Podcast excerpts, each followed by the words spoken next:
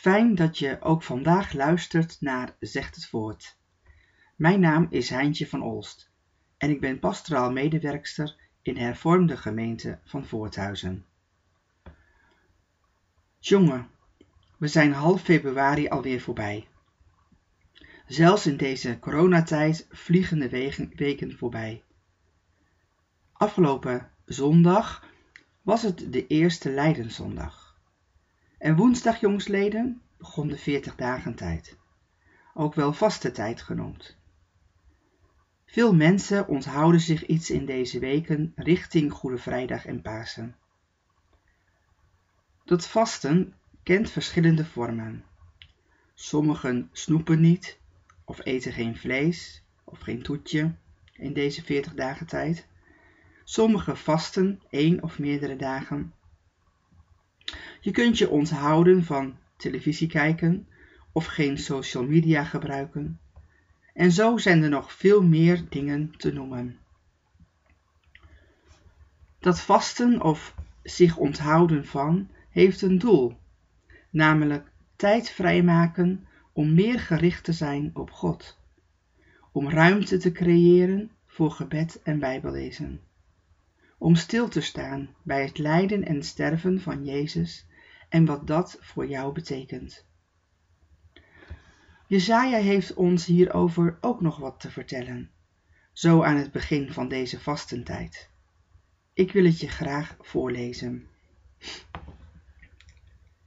Jesaja 58 Vasten alleen is niet genoeg. Volk van Israël, de Heer zegt tegen jullie, jullie denken dat jullie goed leven en trouw zijn aan mij, net zo trouw als andere volken aan hun goden zijn. Jullie zeggen dat jullie mij elke dag vragen wat ik wil. Jullie zeggen dat jullie mijn regels willen volgen. Jullie zeggen dat jullie graag dicht bij mij willen zijn. En jullie zeggen ook: Waarom ziet u niet dat we vasten? Waarom merkt u niet op als we ons onthouden van eten en drinken? Maar wat doen jullie op de dagen dat jullie vasten? Jullie gaan gewoon door met jullie eigen handel. Jullie dwingen arbeiders om hard te werken. En jullie maken ruzie. Jullie gebruiken zelfs geweld en vechten met elkaar. Als jullie je zo blijven gedragen, luister ik niet naar jullie. Want dat is niet de goede manier om te vasten. En ik wil ook niet dat jullie jezelf pijn doen en alleen maar huilen en rouwen. Dat is niet de goede manier om mij te dienen. Nee, ik wil dat het heel anders gaat. Jullie moeten niet alleen vasten, jullie moeten meer doen. Bevrijd mensen die gevangen zitten. Maak hun boeien los. Laat alle slaven vrij. Zorg dat niemand meer onderdrukt wordt. Deel je brood met mensen die honger hebben.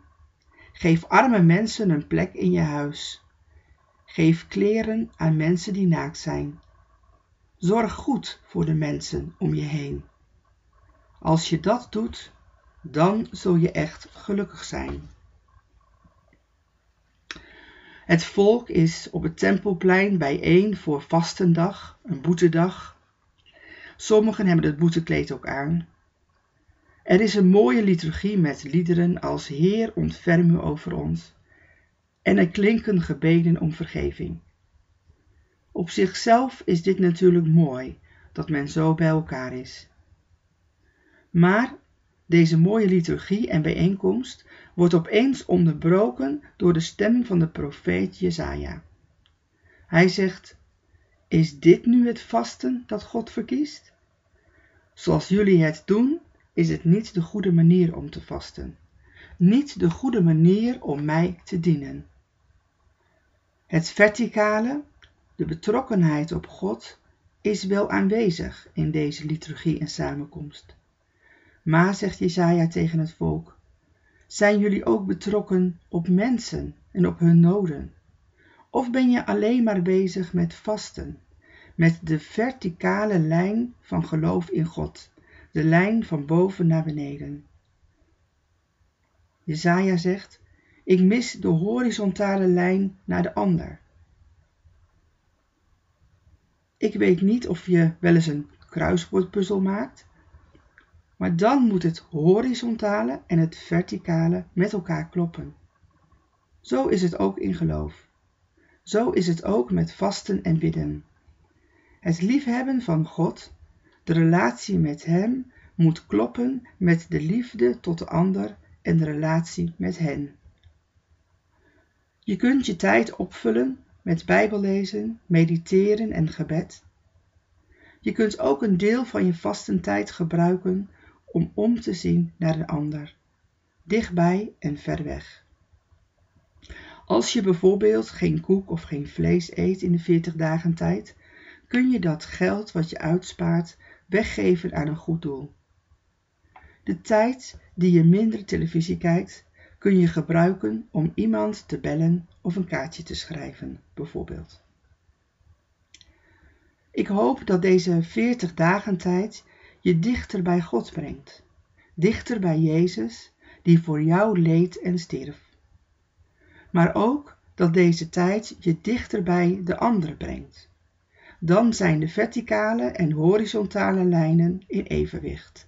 Dan klopt de puzzel. En wordt het een gezegende 40 dagen tijd. Dat is wat ik jou en mezelf van harte wens. Bedankt voor je aandacht, je tijd en je luisterend oor.